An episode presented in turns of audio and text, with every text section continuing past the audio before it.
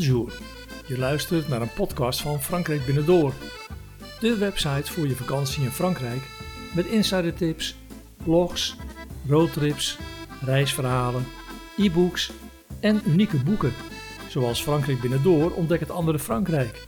Dat sinds 2019 het best verkochte reisboek over Frankrijk is.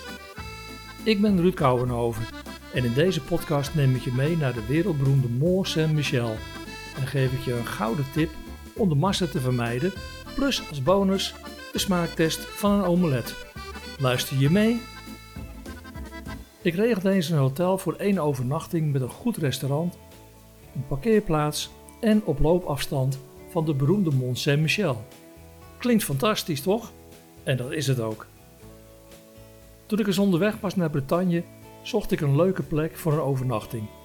En het leek me wel weer eens leuk om dat te doen bij de Mont Saint-Michel op de grens van Bretagne en Normandië. Het was alweer een tijd geleden dat ik er was geweest en omdat ik er praktisch langs kwam toen ik richting Roscoff in Bretagne reed, was het een mooie onderbreking van de reis. Ik regelde er een hotel voor één overnachting met een goed restaurant, een parkeerplaats en op loopafstand van de beroemde Mont Saint-Michel. Het plan was om smiddags rond een uur of drie aan te komen, zodat er nog wat tijd was om lopend naar de Mont Saint-Michel te gaan. En s'avonds dan in het restaurant van het hotel lekker eten, de trap op, naar bed en de volgende ochtend op tijd opstaan om de stroomtoeristen voor te zijn. En hoe ik dat flikte kun je hierna horen. Ik zal je niet helemaal gaan vermoeien met de rijke historie van de Mont Saint-Michel, maar deze gaat terug naar het jaar 708.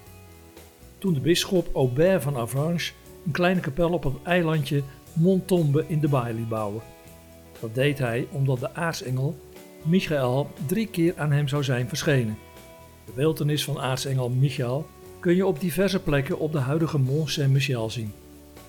Overigens ben ik ook nog een verhaal tegengekomen waarin staat dat de kapel op een berg in een bos werd gebouwd, maar door een stormvloed rond het jaar 900 zou de baai zijn ontstaan met het eiland van de Mont. Maar feit is dat op deze plek dus al vele honderden jaren een bijzonder dorp ligt met een indrukwekkende abdij. En die abdij is trouwens ook nog een tijdje als gevangenis in gebruik geweest. Maar sinds 1963 wordt deze weer door monniken bevolkt en als je er bent is er een dagelijkse bijzondere mis te volgen, maar daarover dadelijk meer. Sinds 1877 wordt de Mont Saint-Michel door een dijk verbonden met het vasteland. En tot 2014 was het goed opletten wanneer je er naartoe wilde, omdat de baai en de dijk bij springtijd onder water konden komen te staan. En parkeren kon je voor die tijd tot circa 500 meter van de rots. En als je de aanwijzingen van de parkeerwachters niet opvolgde, liep je het risico dat je auto in het water kwam te staan. En dat gebeurde regelmatig. Tegenwoordig is het heel anders, want sinds 2014 is de dijk vernieuwd en deels vervangen door een brug die verbinding maakt met de Mont Saint-Michel.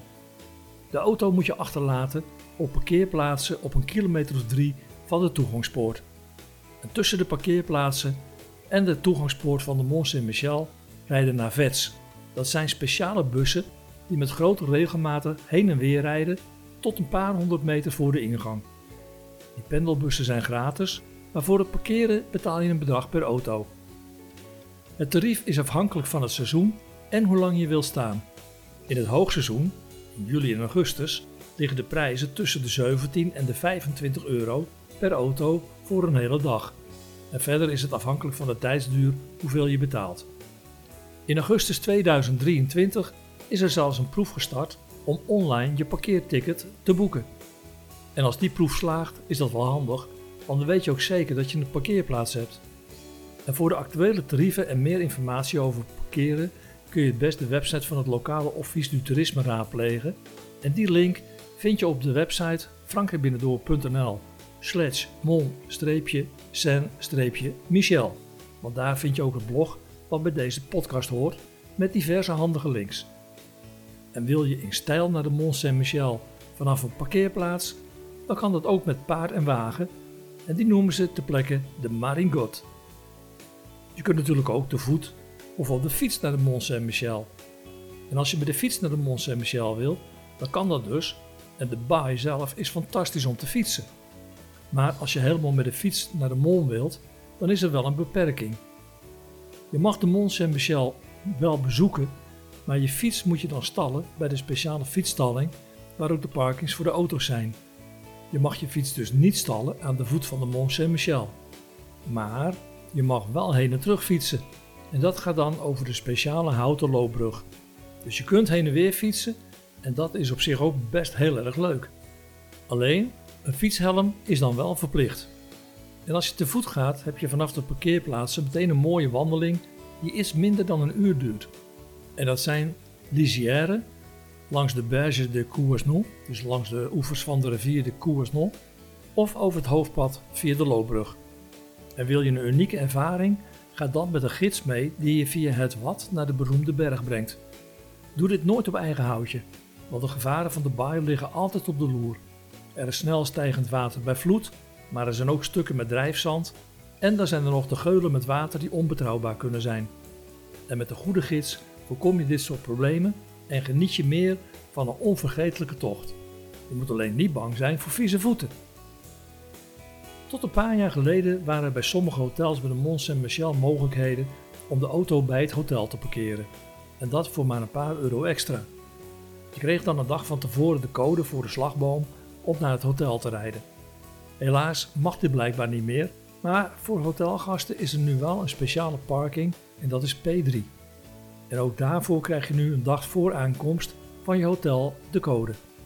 Zorg wel dat je bij je boeking aangeeft dat je met de auto komt en dat je er een parkeerplaats voor wil hebben. En je kunt wel gratis gebruik maken van de speciale pendelbussen, zodat je niet met je koffers hoeft te sjouwen. Als ik opnieuw naar de Mont Saint-Michel zou gaan, dan boek ik zeker weer het hotel Le Relais du Roi, omdat het een goed restaurant heeft. En toen ik een paar jaar geleden voor het eerst kwam, was er vlak voor de deur nog een plaatsje vrij. Maar dat kan dus helaas niet meer. Er zijn meer goede hotels die vlak bij de toegangsdijk naar de Mont Saint-Michel liggen. En in het blog dat bij deze podcast hoort, vind je meer informatie over deze hotels. En als je dan zorgt dat je uiterlijk rond een uur of drie bij je hotel bent, heb je nog ruimschoots de tijd om daarna op verkenning te gaan. Ik deed dat samen met Jan lopend over de dijk naar het UNESCO Werelderfgoed, die dan nog op ongeveer 1000 meter verderop ligt. En het viel mij op dat er aan het eind van de middag meer mensen teruggingen dan er naartoe. En na de korte wandeling met fraai uitzicht over de baai en op de Mont Saint-Michel liepen wij onder de toegangspoort naar binnen. Ooit was ik er voor het eerst met onze kinderen toen wij voor onze eerste vakantie in Frankrijk onderweg waren naar Bretagne. En die herinneringen kwamen weer heel even boven met onze eerste kennismaking met Frankrijk. De Grand Rue is de hoofdstraat van de Mont Saint-Michel. Kijk dan eventjes door alle souvenirswinkeltjes, restaurants en andere winkeltjes heen en waan je even in de middeleeuwen. Toen het hier ook al een levendige bedoeling was. Maar het kan er behoorlijk druk zijn. En misschien is het dus een goed idee om meteen na de tweede poort, de Porte du Roi, rechtsaf omhoog naar de Remparts te gaan. Je kunt dan helemaal tot aan de Tour de Nord lopen en hebt een fantastisch uitzicht over de baai. Maar je kunt natuurlijk ook door de mensenmassa laten meevoeren in de drukke Grand Rue. En aan het eind van de middag, in juni, viel dat overigens nog best wel mee. Ben je moe van de drukte? Er zijn wat smalle steegjes met trappen. Zoek die gewoon op en ontdek de charmes van deze plek. En ga op avontuur en je zult verrast worden door bijzondere plekjes en vooral mooie uitzichten over de baai. Door al het geslenter kwam ik te laat bij de abdij voor een bezichtiging, maar dat was eigenlijk niet erg, omdat ik dat de volgende ochtend toch wilde gaan doen. Op ons gemak liepen wij terug naar het hotel Le Relais du Roi, waar ik rond 8 uur een tafel voor twee had geregeld. Het zat rond die tijd al behoorlijk vol, dus het was goed dat ik vooraf gereserveerd had. Ik had geen idee wat ik kon verwachten, maar berichten op internet lieten er geen misverstand over bestaan. En samen met Marjan kozen wij voor een driegangen menu met na voorgerecht een sorbet. Dat leek mij wat vreemd, tenzij het natuurlijk een eetlustopwekkend ijsje was. Het voorgerecht was voortreffelijk met een coquille Saint-Jacques in rode biet. En daarna kwam er een glaasje drank met een bolletje sorbetijs daarnaast. Ik had het kunnen weten in Normandië. Calvados met een sorbet van appel. Fantastisch lekker. Marian is niet zo van de sterke drankjes, maar sloeg het ook deze keer niet over. Het hoofdgerecht was voor Marian een zeeduivel en voor mij zacht gegaard rundvlees dat super lekker was. Het nagerecht was voor mij een prachtig opgemaakt bordje tout chocolat met munt en voor mijn tafelgenoot een crème brûlée met karamel. Het was een prima menu en we hebben het top gegeten. Het voordeel is dat als je hier een kamer hebt, je alleen nog maar de trap op hoeft te gaan om heerlijk in slaap te vallen, zodat je de volgende ochtend vroeg kunt opstaan. Mijn plan was namelijk om 's ochtends na het ontbijt direct naar de abdij te gaan. Maar wat je ook absoluut moet gaan doen, om tegen de tijd dat de zon ondergaat naar het uitkijkplatform te lopen aan het begin van de dijk. En daar kun je dan genieten van een meestal indrukwekkende zonsondergang. En als je dan de volgende ochtend vroeg opstaat en lekker gaat ontbijten, ben je als een van de eerste bij de abdij. Want van begin mei tot eind augustus gaat de abdij al om 9 uur open. Bezoek is niet gratis, maar absoluut de moeite waard. Je kunt de rondleiding met een gids doen, maar ook alleen met een gedetailleerde beschrijving of met een audiogids. En als je het op je gemak doet, kun je er makkelijk een paar uur voor uittrekken. Zorgden er dus voor dat we vlak rond openingstijd aanwezig waren, zodat we niet lang hoefden te wachten in de rij bij de entree of met door de drukke Grand Rue moest worstelen. Er is echter een truc om ook de grootste drukte te ontlopen als je naar de abdij wilt. Als je naar de ingang van de mol loopt, zie je links een gebouw met een poort. Voor een mooi uitzicht loop je er onderdoor en ga je helemaal naar beneden. Kijk wel uit, want als het er nat is, kan het er behoorlijk glibberig zijn. Ga dan terug en volg de trap omhoog. Je komt dan vanzelf bij de ingang van de abdij. En het moet letterlijk en figuurlijk monnikenwerk zijn geweest om dit te bouwen. De abdijkerk is echt een bezoek waard. In het midden hangt een groot touw om de klok te luiden. En dat gebeurt voor het begin van de mis, die rond kwart over twaalf begint. De mis zelf is bijzonder om eens mee te maken. Dus zorg dat je rond die tijd in ieder geval aanwezig bent. Op het terras voor de ingang van de abdijkerk heb je een prachtig uitzicht op de baai. En wat mij aansprak was trouwens de fraaie kloostergang. Daarna kom je in de reflectoire. En als je daar binnenkomt, moet je goed opletten. Je ziet dan geen ramen, maar ze zijn er wel. Deze ruimte was ooit de eetzaal van de abdij. En iets verder kom je dan bij de Grand Roue, een enorm rad dat werd gebruikt om de voorraden van buiten omhoog op te takelen. Het stamt uit de tijd dat de abdij als gevangenisdienst deed. Vanuit het raam heb je ook weer een mooi uitzicht.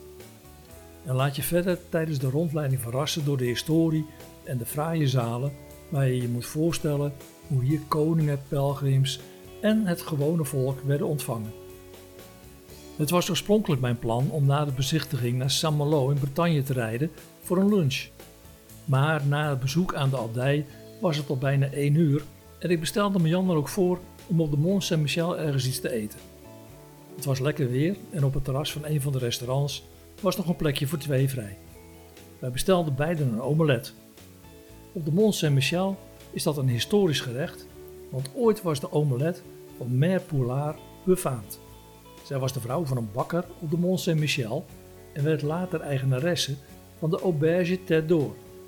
En haar recept van de omelet zorgde ervoor dat dit het gerecht van de Mont Saint-Michel werd. Wij bestelden dus twee keer een omelet Mont Saint-Michel en waren na één hap al vreselijk teleurgesteld. Alles wat je aan een omelet kunt verpesten, had deze kok tot in detail twee keer voor elkaar gekregen. Het was super droog, flauw, er zat geen vulling in, geen salade. Het was een regelrechte teleurstelling. Het was onze slechtste lunch ooit in Frankrijk. En ik weet niet eens meer welk restaurant het was. Maar dat maakt ook denk ik niet zoveel uit, want je betaalt overal op de Mont Saint-Michel veel te veel.